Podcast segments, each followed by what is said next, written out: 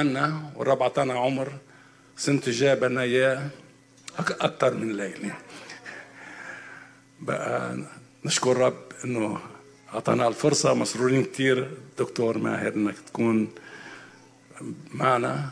أنا بعرف الدكتور ماهر أكثر من 30 35 سنة وقت كنا عندنا خدمة بمونتريال كان يزورنا بمونتريال. واليوم بنرحب فيه ترحيب حار بالكاهون وبسان دييغو وبكاليفورنيا. تفضل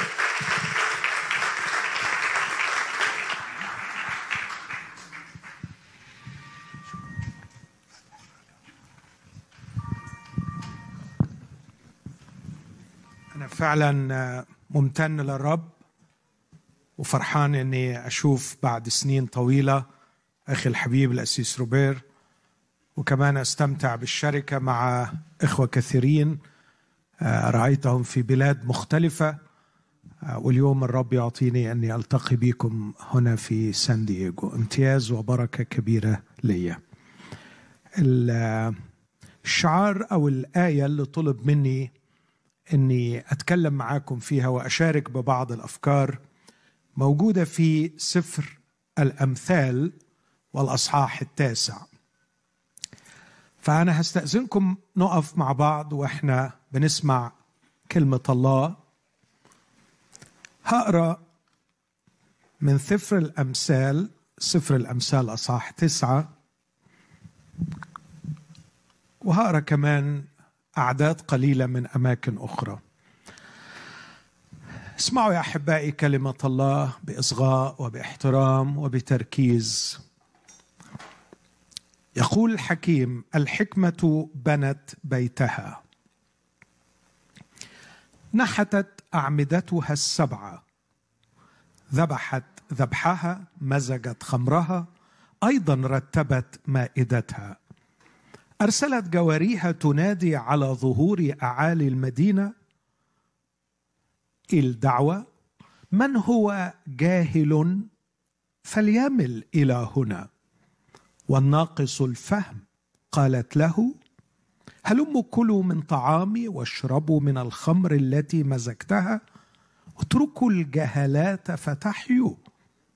وسيروا في طريق الفهم. وبعدين جزء مستعرض كده في المنتصف يقول هذه الكلمات من يوبخ مستهزئا يكسب لنفسه هوانا ومن ينذر شريرا يكسب عيبا. لا توبخ مستهزئا لئلا يبغضك.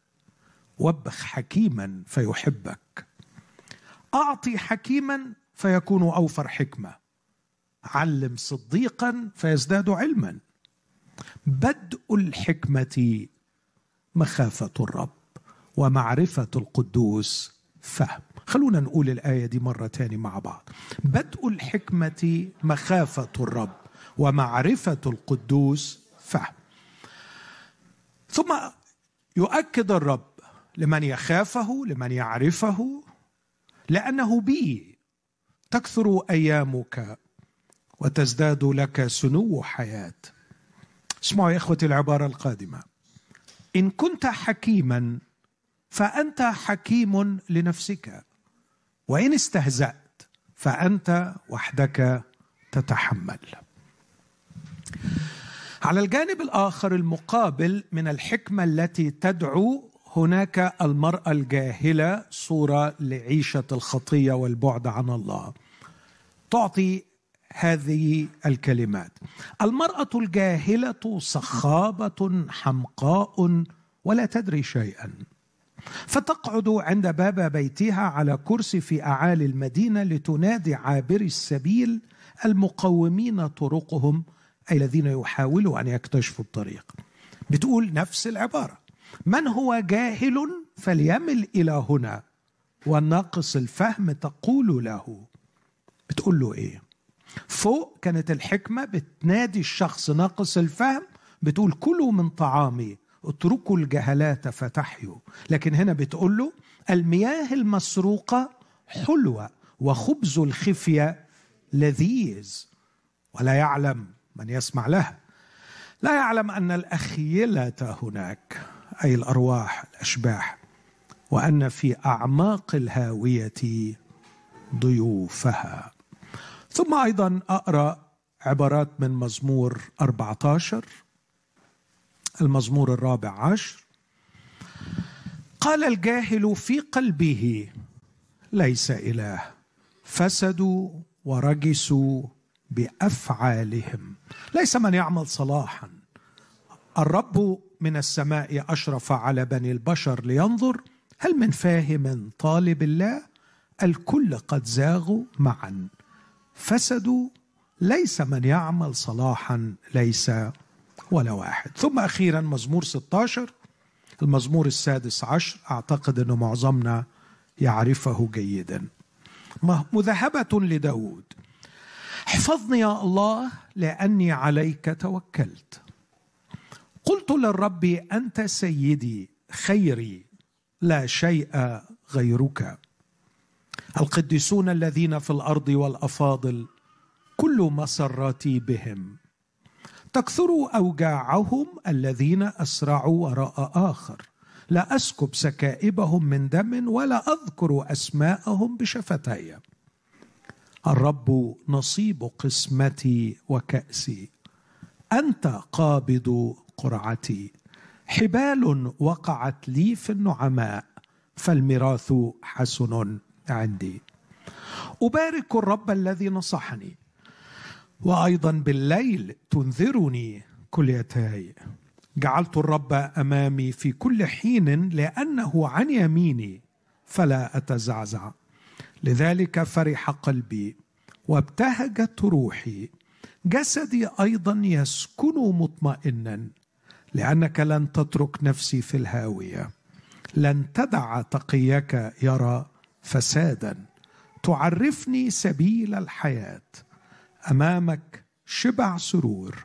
في يمينك نعم. إلى الأبد. آمين. هذه هي كلمة الرب.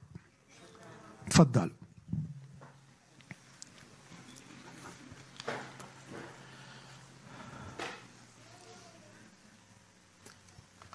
اللي هحاول بنعمة الرب أشارك بيه الليلة معاكم وأصلي أن الرب يستخدم الكلمة بركة لكل من يسمع أو يشاهد. هو محاولة للربط بين هذه الكلمات. شكرا. مخافة الرب والحكمة. الحكيم في سفر الأمثال والعبارات اللي قريناها في أصحاح تسعة بيقول أن بدء الحكمة هي مخافة الرب أو رأس الحكمة هي مخافة رب بدء ورأس واحد في العبري. كأن الشخص الذي يريد أن يكون حكيما عليه أن يبدأ طريق الحكمة بمخافة الرب أو بلغة أخرى بعيدا عن مخافة الرب لا توجد حكمة. والسؤال اللي أحاول أطرحه ما هي مخافة الرب؟ وما هي الحكمة؟ ما هي مخافة الرب؟ وما هي الحكمة؟ علشان أقدر أعمل كده هبدأ بالحكمة. مبتدئا من سفر الأمثال أصحاح تسعة وأحاول أوضح ما هي الحكمة الحقيقية.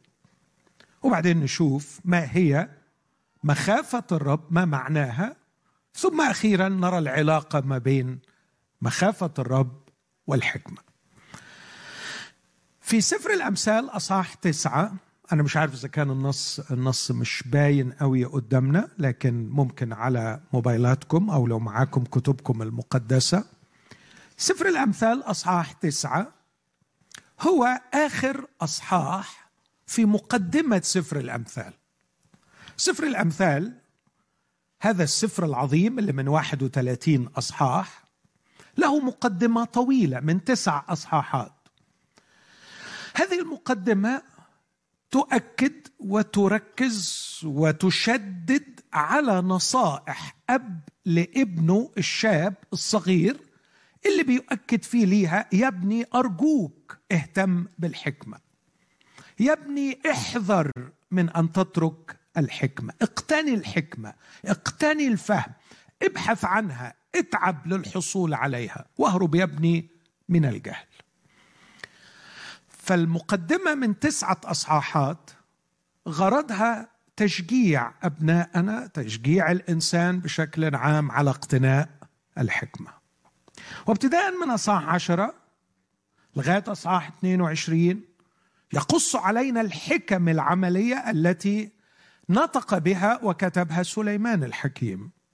ثم بعدها بعض الحكم الأخرى من رجال آخرين على يعني على مدار الزمن وفي بلدان مختلفة. ثم يعود إلى بعض أمثال سليمان التي جمعت في أيام حزقية الملك. ثم بعض الأقوال لأشخاص حكماء آخرين زي أجور آه، ابن متقية. مسة وزي كلام أم لموئيل إذا من بعد أصحاح تسعة كلها حكم عملية يحتاج إليها الحكيم. لكن أول تسع أصحاحات بيشجع على اقتناء الحكمة. أصحاح تسعة مقسم بطريقة بديعة. لو معك كتابك المقدس وتبص تلاقيه مقسم بطريقة بديعة. ست أعداد في الأول وست أعداد في الآخر وفي النص من عدد سبعة لعدد 12 عبارة عن تشخيص أو وصف لشخصيتين. الست أعداد الأولى الحكمة مجسدة في صورة امرأة تدعو الجاهل لينال الحكمة. تدعو الناقص الفهم لكي يكون حكيما. مجسدة في صورة امرأة تدعو الجاهل وناقص الفهم لكي يغتني بالحكمة ويقتني الحكمة ليكون حكيما. الأعداد من من من 13 ل 18 اسمعني يجسد الجهالة في صورة امرأة أيضا. بس بدل ما امرأة حكيمة امرأة حمقاء صخابة جاهلة تنادي أيضا نفس الشخصية الجاهل وناقص الفهم وتقول له تعالى مل إلي هنا. فكأننا لدينا في بداية الأصحاح امرأة وفي نهاية الأصحاح امرأة. ست أعداد الحكمة في صورة امرأة ستة أعداد الجهالة في صورة امرأة. وهذه تنادي وتلك تنادي وكلتاهما تناديان نفس الشخص الجاهل وناقص الفهم. وكل واحدة فيهم بتغريه بتقول له تعال إلي مل إلى هنا. والحكمة مجسدة في صورة امرأة تعرض بضاعتها تقدم دعوة. وأيضا الجهالة في صورة امرأة تقدم بضاعتها تقدم دعوتها. دعوة. الحكمة تقول اتركوا الجهلات فتحيوا. الترجمة الدقيقة اتركوا مجتمع الجهل فتحيوا. فللجهل مجتمع. للجهل مجتمع. الجهل لا ينمو في الفراغ. الحماقه لا تنمو في الفراغ. لكن الجهل ينمو ويترعرع. ويتأصل وينمو في مجتمع. وإذا أردت الحكمة عليك أن تخرج من مجتمع الجهل وعليك أن تحدد بوضوح ما هو مجتمع الجهل الذي تنتمي إليه. مجتمع الجهل له أصحابه اصدقائه وعشرته اللي بتخرج معاهم الطلعات بتاعتكم والخروجات والفسح والاعداد والحفلات والسهرات. والعشوات و و و وله مبادئه وله معتقداته وله افكاره وله اكاذيبه التي تسري بين الناس وله ثقافاته اذا غرست في مجتمع الجهل لابد أن تكون جاهلا. ومن المستحيل أن تكون حكيما وانت تعيش في وسط مجتمع الجهل وأول دعوة تقدمها الحكمة هي اتركوا الجهلات. فتحيوا اتركوا مجتمع الجهل فتحيوا لا خلاص يا إخوتي الأحباء إذا لم يترك الإنسان مجتمع الجهل. هذه دعوة المرأة الحكيمة أو دعوة الحكمة مجسدة في صورة امرأة اتركوا الجهلات فتحيوا وسيروا في طريق الفهم. الفهم طريق. هقول مرة أخرى. الفهم طريق. للجهل مجتمع. وللفهم طريق. بمعنى عندما تخرج من مجتمع الجهل أمامك رحلة عظيمة وشريفة هي طريق الفهم. فالفهم طريق. الفهم ليس محطة. It's not destination. ليس محطة نهائية. لكن الفهم رحلة حياة. أتعلم وأفهم. وعندما أتعلم وأفهم أكتشف أني لم أتعلم بعد. فأجتهد لكي أتعلم وأفهم. وعندما أتعلم وأفهم أكثر أكتشف جهلي. فأبغضه وأرفضه. وأبحث عن المزيد من الفهم فأعيش رحلة حياة في طريق الفهم في طريق الفهم. وتكون النتيجة اسمعوني يا إخوتي في, في الكلمة دي. نهاية الإنسان صيرورة وليست مكان. هقول العبارة دي تاني. نهاية الإنسان صيرورة وليست مكان. سوف تصير شيئا وليس سوف تنتهي إلى مكان. إنت هتبقى شيء مش هتروح مكان. صيرورة. إذا سرت في طريق الفهم ستصير شخصا حكيما. ستصير انسانا حقيقيا. ستصير انسانا. وإن عشت في مجتمع الجهلات ستفقد إنسانيتك وتخسر حياتك وأبديتك وتنتهي في العدم والهلاك. قال إرميا وهو يصف حال شعب إسرائيل عبارة أرجو أن ننتبه إليها.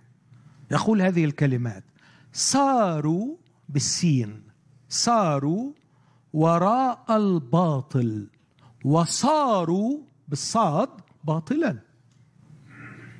شوف جمال العبارة.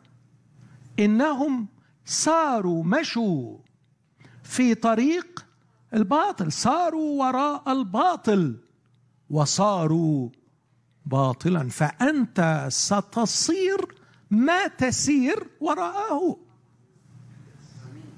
سوف تصير ما تسير وراءه لأن الإنسان ماض إلى صيرورة وليس إلى مكان.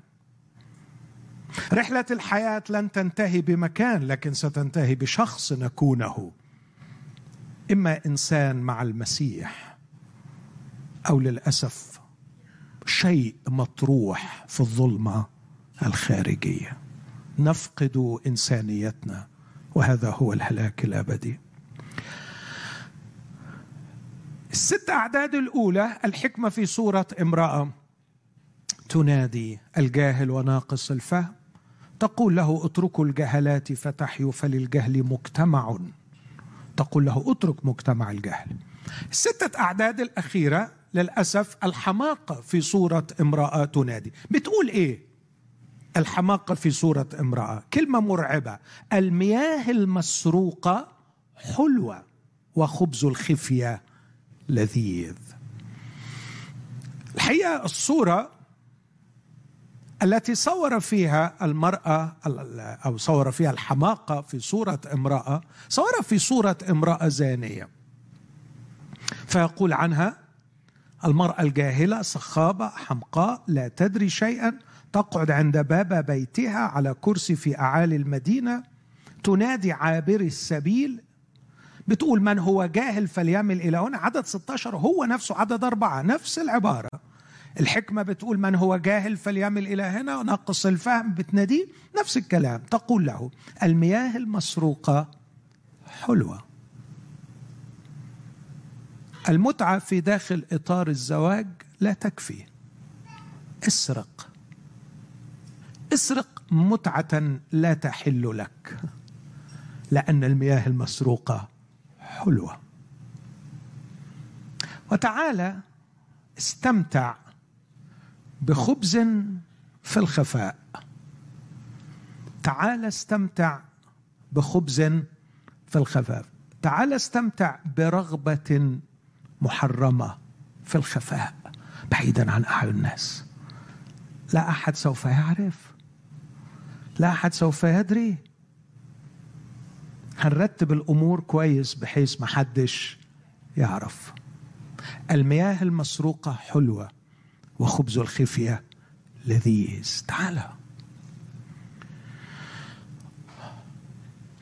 دعوة تقول اتركوا مجتمع الجهلات فتحيوا. والتكلفة إذا لم تترك هي الموت. ودعوة أخرى تقول تعال استمتع. والاستمتاع الحرام لأن المياه المسروقة حلوة وخبز الخفية لذيذ. وبين الاثنين بإبداع يضع الكاتب هذه الأعداد من سبعة ل 12 ست أعداد. فستة في الأول ستة في الآخر وستة في النص. الستة اللي في النص بيورينا الشخصيتين من استجاب للحكمة ومن استجاب للحماقة. من استجاب للحكمة سوف يكون حكيما ومن استجاب للحماقة فهو وحده سوف يتحمل. بيقول من يوبخ مستهزئا يكسب. يعني بيقول حتى الأشخاص دول أحيانا لما بتوبخوا لأنه ما بيسمعش للأسف شديد ما بيستجبش انت اللي بتتألم آه وبعدين يقول إنه آه إذا كنت حكيما فأنت حكيم لنفسك وإن استهزأت فأنت وحدك تتحمل. لكن في النص في في في نصف الستة أعداد اللي في النص دول اللي بيوصف الشخصيتين من استجاب للحكمة ومن استجاب للحماقة بيحط الفاكتور أو العامل الوحيد اللي خلى واحد يروح للحكمة وخلى واحد يرفض إنه يروح للحكمة. كان هذا العامل الوحيد هو مخافة الرب. فيقول كده في عدد عشرة بدء الحكمة مخافة الرب ومعرفة القدوس. فهم عايز أخلص من الأصحاح ده بفكرتين وأنتقل بسرعة إلى الكلام عن الحكمة وعن مخافة الرب. الفكرة الأولى أن روح القدس هنا يضع الحكمة في مقابل المتعة. ليست المتعة الحلال المتعة التي شرعها الرب. مين اللي خلق المتعة بالمناسبة؟ الرب. كل أنواع المتع الرب هو هو اللي خلقها. الذي يمنحنا كل شيء بغنى لل حد فاكر الآية دي؟ تمساوس الأولى ستة. الله الذي يمنحنا كل شيء بغنى للتمتع. فمين؟ منبع المتعة ومصدر المتعة وخالق المتعة؟ هو الله. مين اللي خلق لنا الأعصاب اللي تستمتع؟ العين اللي تستمتع؟ الأذن اللي تستمتع؟ الله. هو مصمم وخالق المتعة. لكننا إذا رأينا روعة الخالق. الخالق الذي خلق المتعة خلق لها إطارا نستمتع بها فيه. وإذا خرجنا خارج أطر المتعة نجلب على أنفسنا الهلاك والدمار في كل شيء. للأسف الشديد عندما نخرج بالمتعة عن إطارها نتوحش. ونفقد إنسانيتنا. ونسقط فريسة للإدمان. ونعبر كل الأسوار. ونتخطى كل الحدود. ونتحول إلى كائنات فقدت إنسانيتها متوحشة لا تفكر إلا في الحصول على متعتها. وهنا يجد الحكيم فرصة ليضع هذه الشخصية التي جعلت المتعة هي كل شيء في مقابل الشخصية التي تبحث عن الحكمة وطريق الفهم. الحكمة في ترتيب الله ليست ضد المتعة. لكن الحكيم الحقيقي هو الذي يعرف فعلا كيف يستمتع. كيف يستمتع. ولا يجعل المتعة سيدا له. غير الحكيم يستمتع بغباء وبجهل. فيصبح عبدا للمتعة جاهل أحمق لأن المتعة تسيطر عليه. فصحيح بيستمتع بس بيفقد حريته وبيفقد إنسانيته فيصير عبدا ذليلا لمتعته. الحكمة في مقابل المتعة. والليلة أنا بوجه من قلبي نداء لكل شخص يسمعني. الحياة يا أختي الحياة يا أخي هي اختيارات. الحياة مجموعة من الاختيارات. أنت ليه الليلة هنا في هذه القاعة؟ لأنك اخترت. اخترت إنك تيجي. أنت اخترت. راجع يومك وراجع الشهر اللي فات وراجع كل سنية حياتك. أنت محصلة مجموعة اختيارات. وما زلنا إلى هذه اللحظة. نحن الذين نختار. وأنت بتسمعني دلوقتي. أنت ممكن تختار إنك تركز معي وتسمعني وممكن تختار إنك باصص لي وبتهز راسك ومبسوط بالكلام لكن دماغك في حتة تاني عمال تفكر هتعمل إيه وهتقابل مين وإمتى الوعظ ده هيخلص وإن شاء الله يا رب نخلص من الليلة اللي مش فايتة دي ونروح. ممكن. تختار. أنت اللي بتختار. وأنت قاعد تسمعني. أنت بتختار. وأنا نفسي أقول لك بصلي وبتضرع إلى الرب من أجلك إنك تعمل الليلة اختيار صحيح. أن تختار الحكمة وأن ترفض الحماقة. أن تختار الحكمة ولا تختار الرغبة. الرغبة التي أبعدتك عن طريق الحكمة. ولكي تكون امينا. إذا قلت لي خلاص أنا متحمس أنا اخترت. اخترت إني أبعد عن طريق الحماقة وأختار الرب الليلة. قدم برهان من فضلك. وريني جدية اختيارك. تعرف إيه جدية اختيارك؟ تخرج من مجتمع الجهل. تقرر وأنت قاعد قدامي دلوقتي إن في علاقات معينة لابد من قطعها. أنا آسف إن أقول لك كده. أوعى تقول أنا جدع. لا أنا هقدر أفضل مرتبط بالعلاقات دي وأعيش في مجتمع الجهل ولن أكون جاهلا. لا يا عزيزي للجهل مجتمع. إذا عشت فيه حتما ستكون جاهلا. تحاولش. لن تستطيع أن تكون حكيما في مجتمع الجهل. لن تستطيع أن تكون حكيما في مجتمع الجهل. بداية الحكمة مخافة الله وطاعة كلامه اتركوا الجهالات فتحيوا. اتركوا مجتمع الجهل. مش فتشفى مش فتغنى.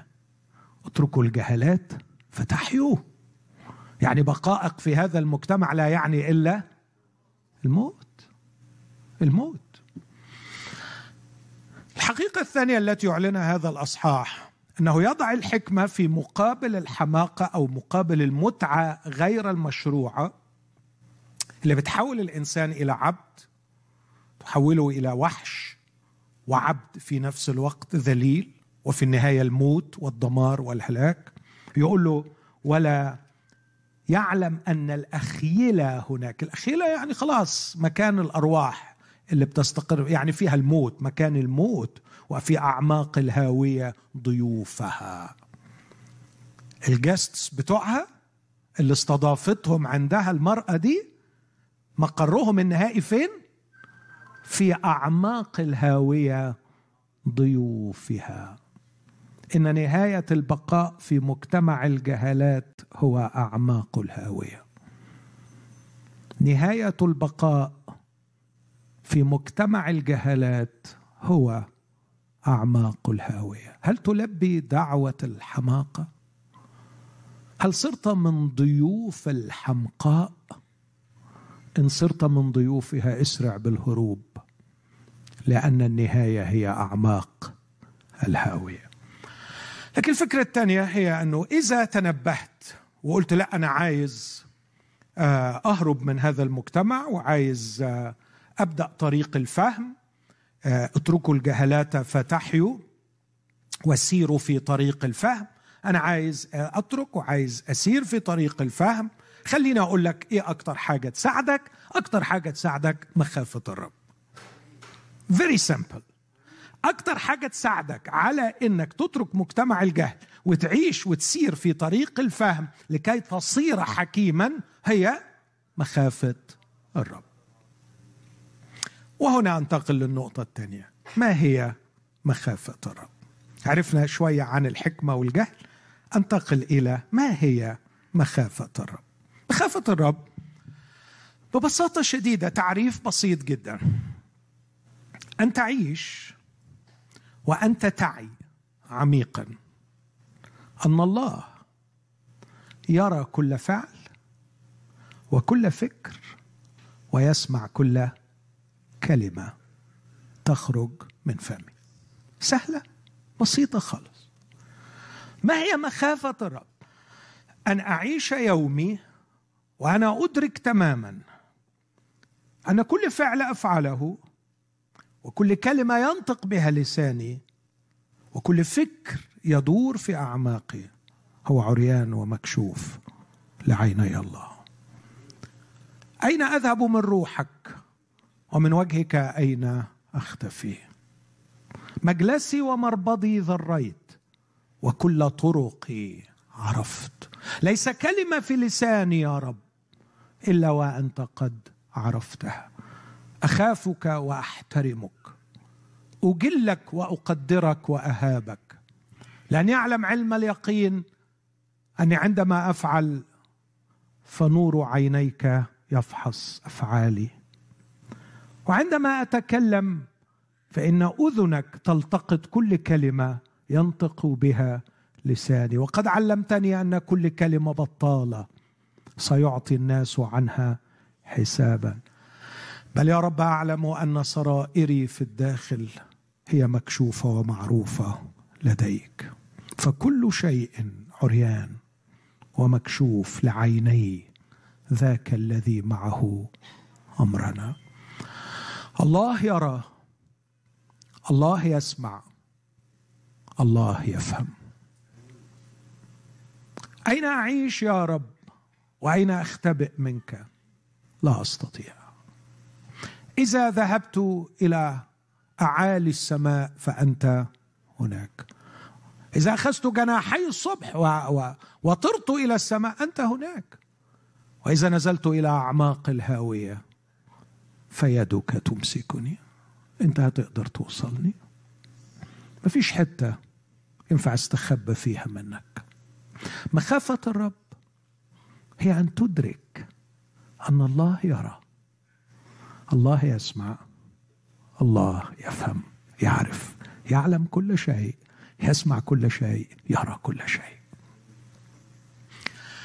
وعندما أعيش وأتصرف وأنا أعي هذا الوعي أو أن هذا الوعي بحضور الله يسيطر علي.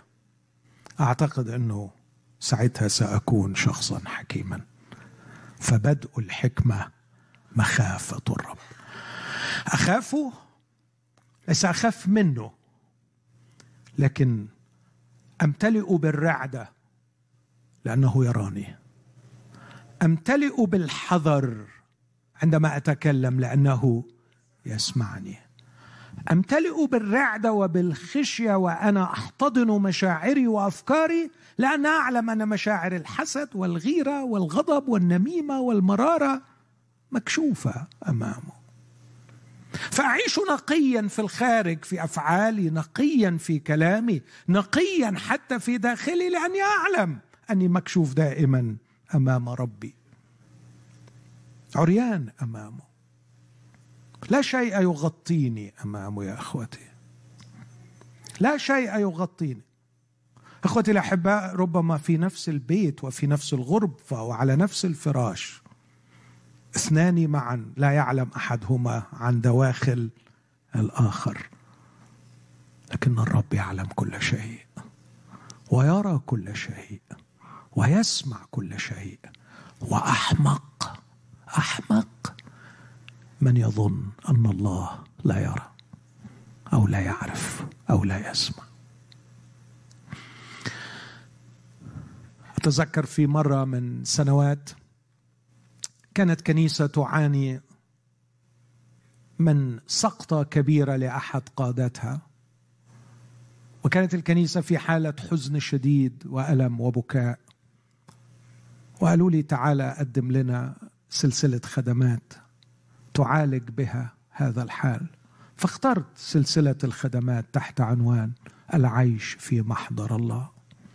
لأنه من وجهة نظري لا أمل في القداسة ولا أمل في الحكمة ولا أمل في الاختيارات الصحيحة إذا ما كانش الشخص يعيش في محضر الله. ده الأمل الوحيد.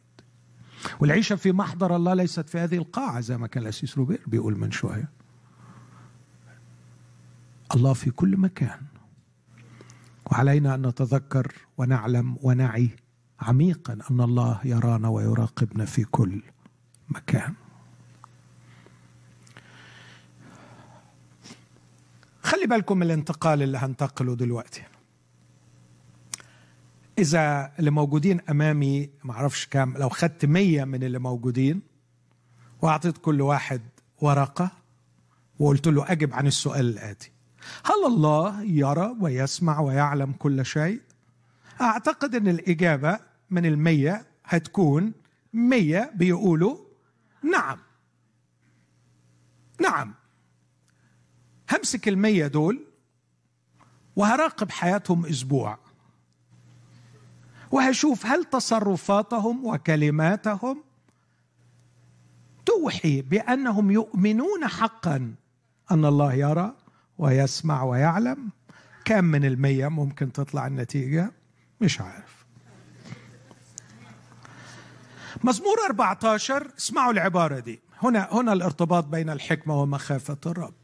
قال الجاهل في قلبه ليس إله. مش في الورقة؟ مش في الورقة اللي جاوب عليها؟ لا. لكن في قلبه. لا يهمني كثيرا قناعاتك اللاهوتية. ما يهمني هو قناعات قلبك الداخلية. كثيرون لديهم قناعات لاهوتية صحيحة مئة في المئة. لا يعيشون بها.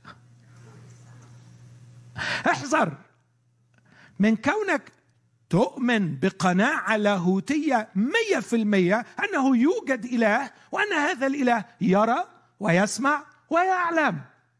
لكن السؤال ليست ما هي قناعتك اللاهوتية؟ ما هي قناعة قلبك الداخلي؟ هذا الأحمق تعرف باللغة العبرية هذا النص؟ آه قال نبال في قلبه. قال الأحمق في قلبه ليس إله. لاحظ لم يقلها بشفتيه. لأن أنا متأكد أنه لو سألته بشفتيه هيقول يوجد إله. لكنه قالها في قلبه. بص أحبائي أي حد فينا هنا؟ هقول العبارة بالإنجليزية وترجمها بالعربية. لديك نوعين أو نوعان من اللاهوت من التعليم. نوع بنسميه explicit theology ونوع بنسميه implicit theology. لاهوت معلن ولاهوت مضمر أو ضمني داخلي.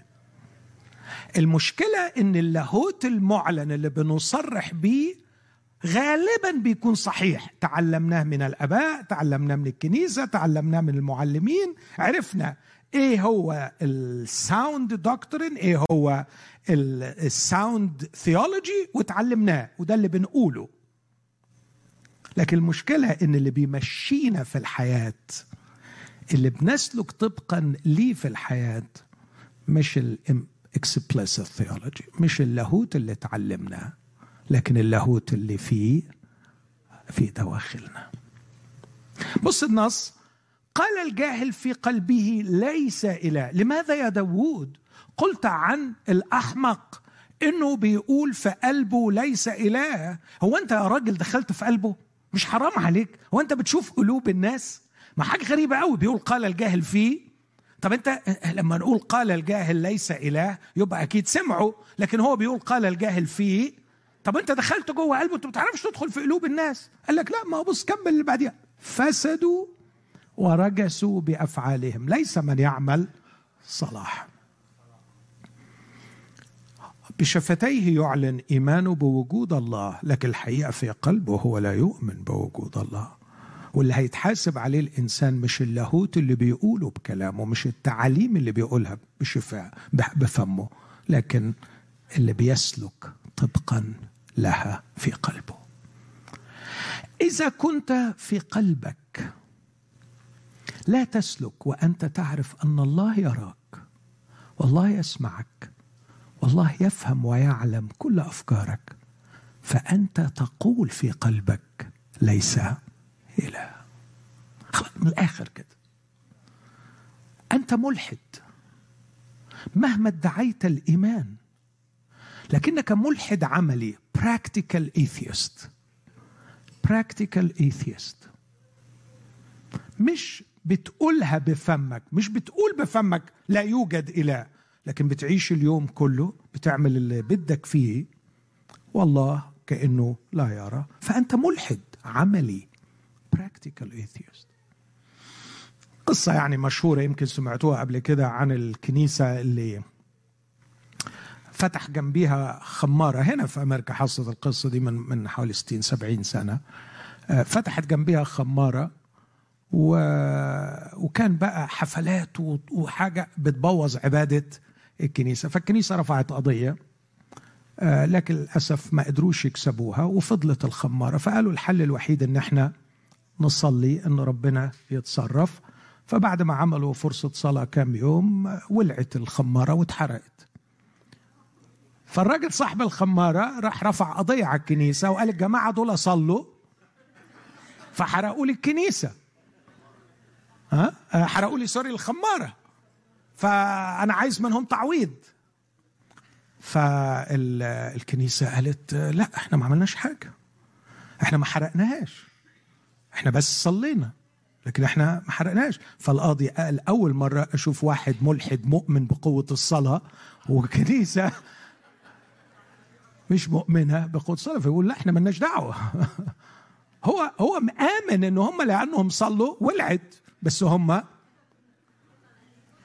بالكلام نؤمن أن الله يستجيب الصلاة بالكلام نؤمن أن الله يتدخل ويرى ويسمع ويراقب ويفهم لكن في الواقع العملي ملحدين. ملحدين. بص يا عزيزي لو اكتشفت الليلة إنك ملحد مش مش يعني مصيبة ولا حاجة لأنه الحكمة بتنادي الجهل. الحكمة بتقول لك تعالى في فرصة. أشكر ربنا إنه مد في عمرك لغاية دلوقتي وبيقول لك اترك الجهلات وسير في طريق الفهم.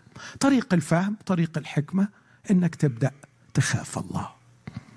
بدء الحكمة مخافة الله. هختم بفكرة من مزمور 16 لأني متصور إنك تقول طب يعني إيه أكون حكيم بسبب مخافة الله؟ إزاي أكون حكيم؟ أنا شرحت إيه هي الحكمة وشرحت إيه هي مخافة الله. على قد ما أقدر يعني باختصار. عايز أشوف دلوقتي الرابطة بين الاثنين. يعني إيه أكون حكيم بسبب مخافتي لله؟ مزمور 16 هو أروع وأعظم مزمور يشرح حياة التقي. ده اللي مزمور اللي أقتبس في العهد الجديد عدة مرات واللي مشهورة فيه العبارة لن تدع تقيك يرى فسادا من يخافك المزمور الحقيقة بيلخص حياة خائف الله. بيلخص حكمة الشخص الذي يخاف الله. يصف لنا انجاز لي أن أقول يصف لنا حكمة الشخص وكيف يعيش الشخص الحكيم بسبب مخافته لله. ده المزمور اللي فيه بيقول له جعلت الرب أمامي إمتى؟ في كل حين. عايش قدام الله. هو ده الحكيم هو ده اللي بيخاف الرب. عايز أخدكم كده في جولة سريعة نتفرج مع بعض على مشاهد تبين وتشرح حكمة هذا الشخص. الذي يعيش في مخافة الرب. أمين؟ جاهزين؟ النص قدامنا. خلينا نبص من أول عدد وأنا هقول عبارات سريعة. بس قبل ما أقولهم أقول إن هذا الشخص كان حكيما وخاف الله لأنه دعا الله يكون الله ودعا الإنسان يكون إنسان. Let God be God. And let man be man. دع الله يكون الله. ودع الإنسان أو دع نفسك تكون إنسان. عايزها بلغه أبسط؟ دع الله يكون الله. انظر له في عظمته. وتواضع أمامه. واخضع له. الله هو الله. كبير. حكيم. عظيم. كبير قوي وانت محدود. محدود مسكين. اقبل هذا الأمر. مجتمع الجهلات بيخليك ترفض الفجر no no no no you can do everything. If you can imagine it you can do it. انت الله. مجتمع الجهل بيقول لك انت الله. ويدفعك لكي تتأله. تقول لا لا لا لا يعني مش للدرجة دي أنا عارف يا أخي برضو. طيب هنشوف مع بعض يعني إيه تتأله. يعني عندما تظن إنك تقدر تمشي حياتك بمفردك ما أنت بتتأله؟ على فكرة أنت ما تقدرش تمشيها. صدقني ما تعرف تمشيها ولا يوم. ولما حس إنه يقدر يمشيها راح بل ظهر له وقال له يا غبي الليلة نفسك تطلب منك. عندما تتصرف وكأنه لديك كل الريسورسز اللي تمكنك من النجاح في الحياة. أنت غلبان. ده بس سلك يضرب في دماغك خلاص مخك راح. يا ما شفت وزراء في المصحات العقلية. يا ما شفت مفكرين وفلاسفة انتهى بهم الأمر إلى الضياع. يا ما شفت أغنياء لديهم البلايين. عاشوا مكتئبين وتعساء وانتهت بهم الحياة أبأس نهاية. يا ما شفت؟ لا تتأله. أنت مش الله. ليس لديك الريسورسز ليس لديك المصادر التي تمكنك to be independent. You cannot. You are a creature. أنت مخلوق. وما دمت مخلوق فأنت معتمد. لا تستطيع أن تعيش بدون اعتماد على الله. ثق في اللي بقوله لك. لا تتأله التأله حماقة. التأله غباء. التأله أكذوبة. عندما تريد أن تتأله اسمعني في اللي هقوله لك. هتفقد إنسانيتك ولن تصير إله.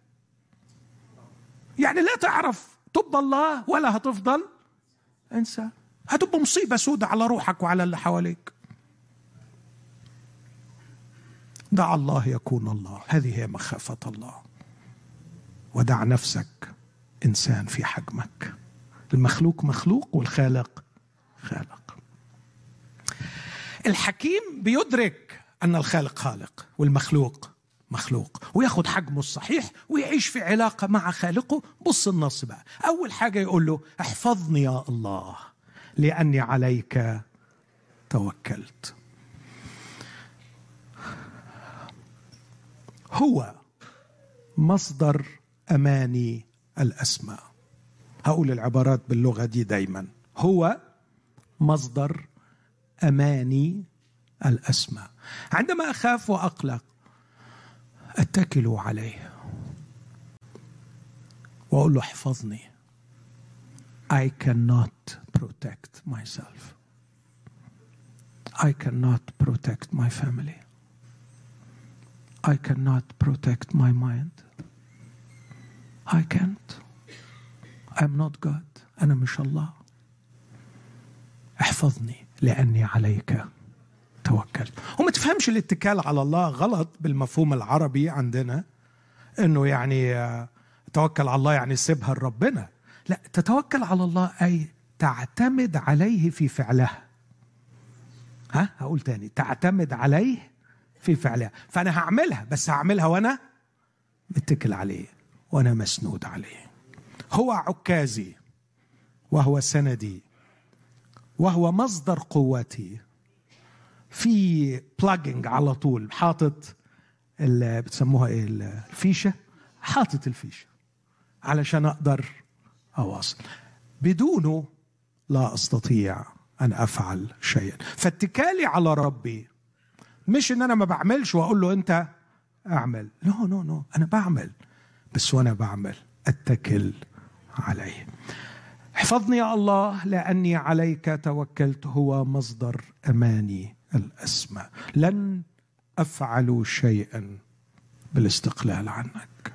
لأني لا أستطيع. قال واتشمان ني مرة قال المسيح في يوحنا 15 لأنه بدوني لا تقدرون أن تفعلوا شيئا. فسأل سؤال حقا؟ هل نحن بدونه لا نقدر أن نفعل شيئا؟ نحن بدونه نفعل أشياء كثيرة. فكيف يقول المسيح بدوني لا تقدرون أن تفعلوا شيئا. وعنده حق بس جاوب إجابة بديعة. قال نعم نحن بدونه نقدر أن نفعل أشياء كثيرة لكن ما نفعله بدونه هو ليس شيء على الإطلاق. دي حقيقة. افعل بدونه لكن ما ستفعله بدونه هو ليس شيء على الإطلاق. كزبد البحر سينتهي كفقاعة فارغة. وهم. اعمل بدونه وهينتهي. الأشياء الباقية هي فقط ما نعمله بالاتكال عليه. العدد الثاني قلت للرب سيدي ماي لورد أنت سيدي يا رب. وبنعمة الرب مش هقولها لحد تاني. قلت للرب أنت سيدي خيري لا شيء غيرك. في لغة الشيكات عندنا في مصر يقول لك فقط الشيك فقطه يعني إيه فقطه يعني لازم تكتب الرقم وبعدين تكتب فقط لا غير. فهنا هو بيفقط الكلمة دي. أنت سيدي فقط لا غير. خضوعي له هو خير الأسمى اتكالي عليه هو مصدر أماني الأسمى ده العدد الأول. العدد الثاني خضوعي له. هو خيري الأسمى. قديس إغناطيوس الأنطاقي ليه كلمة جميلة قوي بيعرف الخطية تعريف غريب عمري ما توقعت إن حد يعرف الخطية كده. يقول الخطية هي إنك ترفض إن قصد الله النهائي هو سعادتك الأعمق. عندما تظن إنه ربنا مش عايزك تسعد هي دي الخطية. تخيل. لماذا لا نخضع له؟ أخ... لا أخضع له لأنه خايف لو خضعت ليه مش هتبسط. خطية. ده أنت يا مسكين عمرك ما هتتبسط إلا لما تخضع له. تقول لي إزاي؟ ما أنا لما بزني بتبسط ما أنا لما بسرق بتبسط. يس يس temporary. Temporary. يعني for a while. Just few moments. Few days. وتفضل طول عمرك تدفع يا مسكين. تدفع الاقساط يعني فعلا يا مسكين ياخد المتعة وياخد على قفاه. ياخد المتعة ويفضل بقية العمر يعمل إيه؟ يدفع يدفع يدفع يدفع. إيه ده؟ إيه ده؟ عملت في روحك إيه؟ عملت في روحك إيه؟ آه ما كنتش مصدق إن خضوعي للرب هو الخير الأسمى. يا نفسي لا تنحمقي واخضعي لوصايا إلهك. عندما يقول لي لا تزني لا تزني. عندما يقول لي لا تشتهي لا تشتهي. لا تشتهي. لا تشتهي أي شيء. لا تكذب. لا تسرق. لا تنطق باسم الرب إلهك. باطلا طيعي يا نفسي وصايا إلهك. لأنه في طاعتك لوصايا خيرك الأسمى. أمين؟ لكن أيضا يقول القديسون عدد ثلاثة الذين في الأرض والأفاضل كل مسرتي بهم. عائلته هي سروري الاسمى فاكرين قلنا من البداية اللي عايز يسيب الجهلات؟ يسيب مجتمع الجهل. بس ربنا مش بيطلعنا من مجتمع الجهل ويسيبنا في وحدة. بيطلعنا من مجتمع الجهل ويحطنا في مجتمع قديسين والأفاضل. والشخص اللي الحكيم يجد في إخوته القديسين سروره الأسمى كل مسرتي بهم أحبهم. هم أحيانا بيغلسوا علي. معلش حبيبي زي بعض. اتعلم على حس غلاستهم الصبر. وتعلم تغسل رجليهم وتعلم تنصحهم لتسكن فيكم كلمة المسيح بغنى وأنتم بكل حكمة معلمون ومنذرون بعضكم. اتعلم اتعلم to be confrontational تعلم إنك تواجه تعلم إنك تقول له لا يا أخويا ما ينفعش تعمل كده لا ما يصحش تعمل كده أنا بحبك وعشان كده بقول لك ما تعملش كده وهو كمان يصححك. ما تتقمصش من اخواتك بقى, بقى أقل حاجة. الحكيم يلتصق بعائلة الله. ويقول القديسون والأفاضل الذين في الأرض كل مسرتي بهم. عدد أربعة. تكثر أوجاعهم الذين أسرعوا وراء آخر. آخر غير الرب. لا أسكب سكائبهم من دم يعني لا أقدم لهم ذبائح ولا حتى أذكر أسماءهم بشفتي. تكريسي له هو جهادي الاسمى سأوحد قلبي لك ولن أشرك آخر معك في قلبي. لا يكن في قلبي شريك لك. إن جهادي الاسمى في الحياة هو أنا أعيش لك وحدك. ولا يكون هناك سيد آخر على حياتي. عدد خمسة. يقول الرب نصيب قسمتي وكأسي. أنت قابض قرعتي. حبال وقعت لي في النعماء فالميراث حسن عندي. أتذكر وأنا أقرأ هذه الكلمات بولس في فيليب ثلاثة وبيقول الذي من أجله خسرت كل الأشياء وأنا أحسبها. لكي أربح المسيح وأوجد فيه. حسبت كل الأشياء نفايه من أجل فضل the excellency of معرفة من أجل فضل معرفة المسيح يسوع. ربي معرفتي به هي ربحي الأسمى أمين؟ معرفتي به هي ربحي الأسمى عرفته فإن خسرت كل شيء أنا رابح. بهذا ليفتخرن المفتخر بأنه يعرفني أنا الرب معرفتي به هي ربحي الأسمى في هذه الحياة.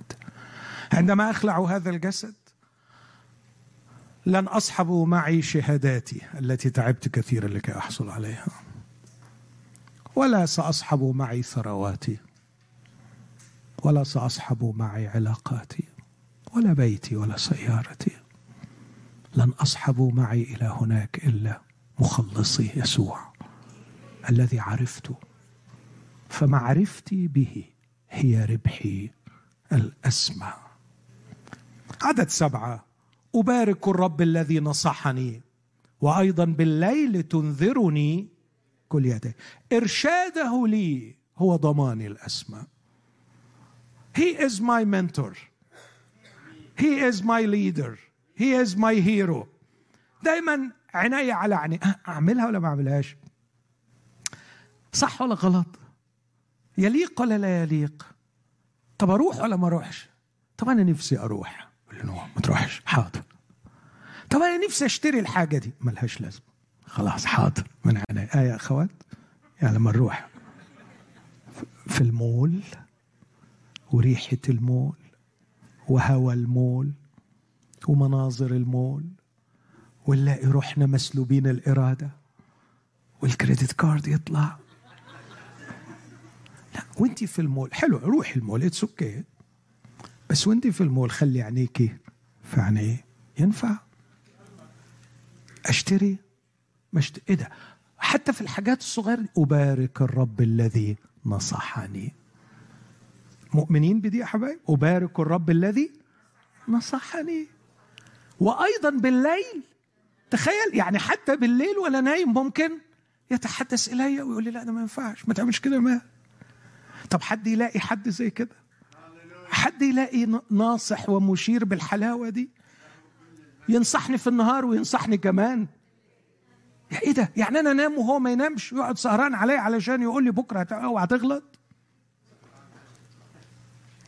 إرشاده لي هو ضماني الاسمى لكن أيضا يقول في عدد ثمانية جعلت الرب أمامي في كل حين لأنه عن يميني فلا أتزعزع.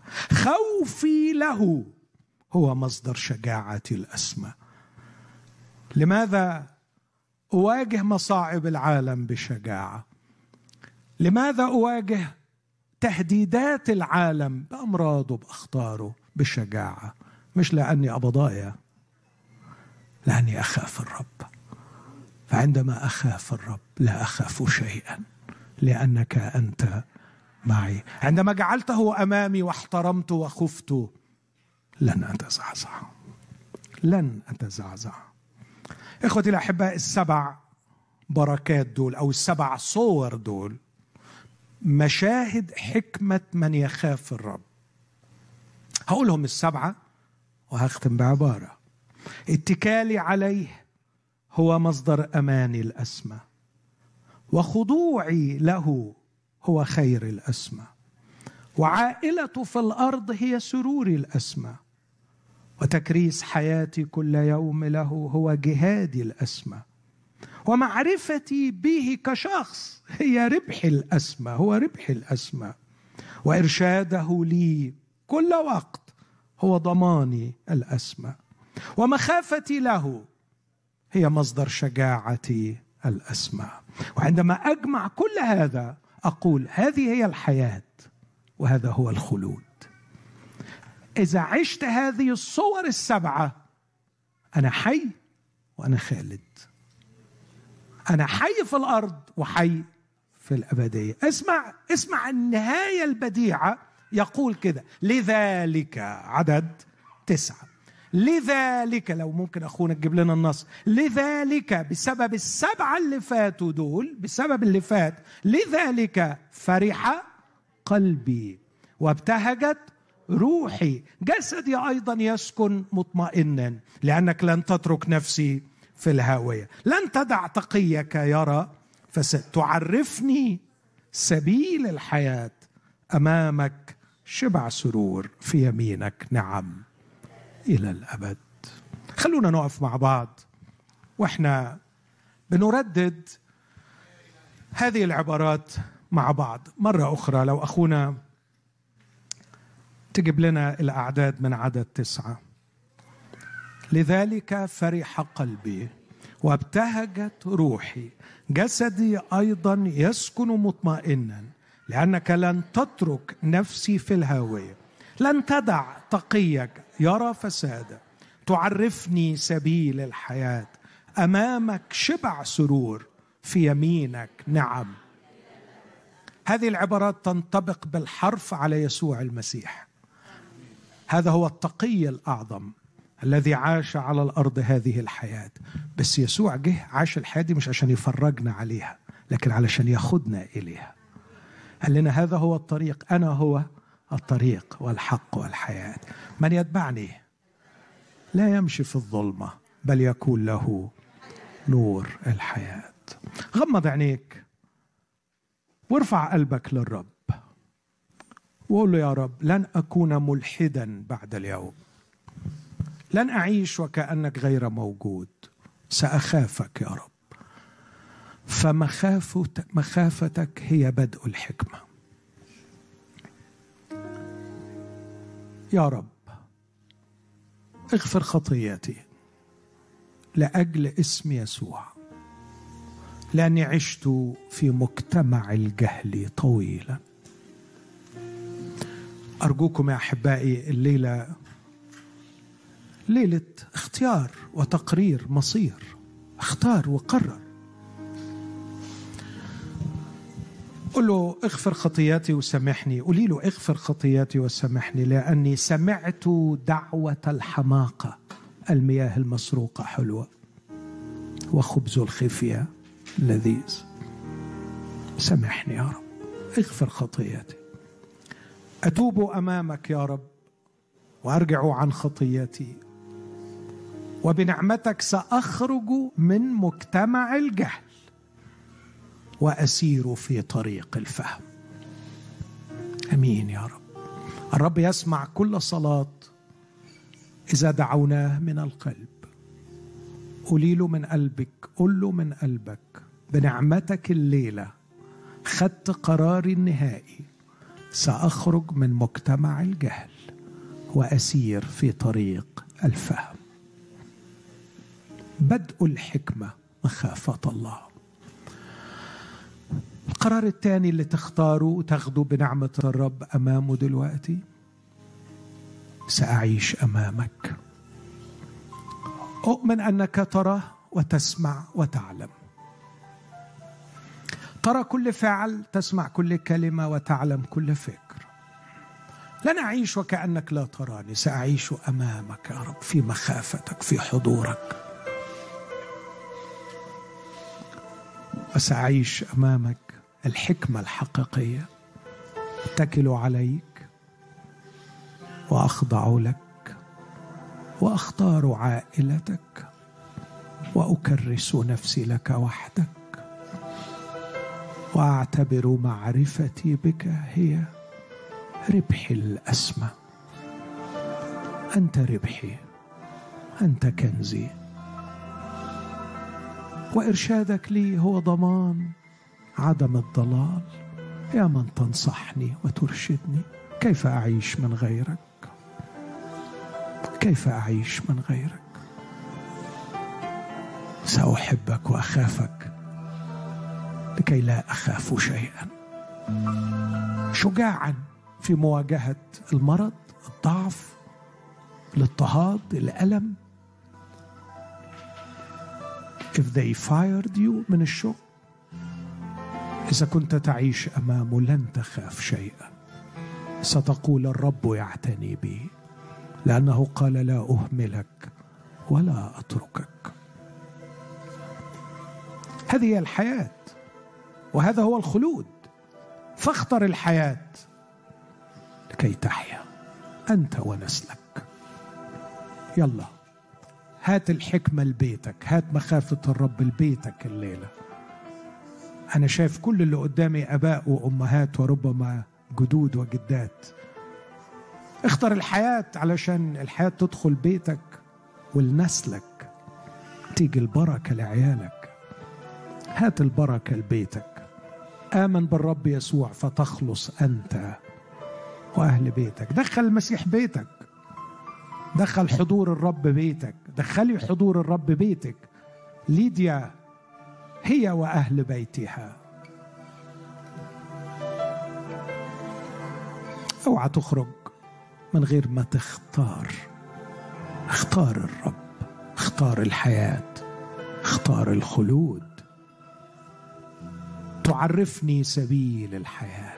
أمامك شبع سرور في يمينك نعم إلى الأبد. هذه هي الحياة فاختر الحياة. أبانا أستودعك كل نفس. تضرعت إليك وقبلتك مخلص في هذا المساء. أتضرع إليك من أجل كل نفس لم تقبلك؟ لتلاحقها بمحبتك وحنانك وتجذبها إليك لكي تنقذها من الهلاك في اسم المسيح. آمين. آمين. خلونا وإحنا واقفين.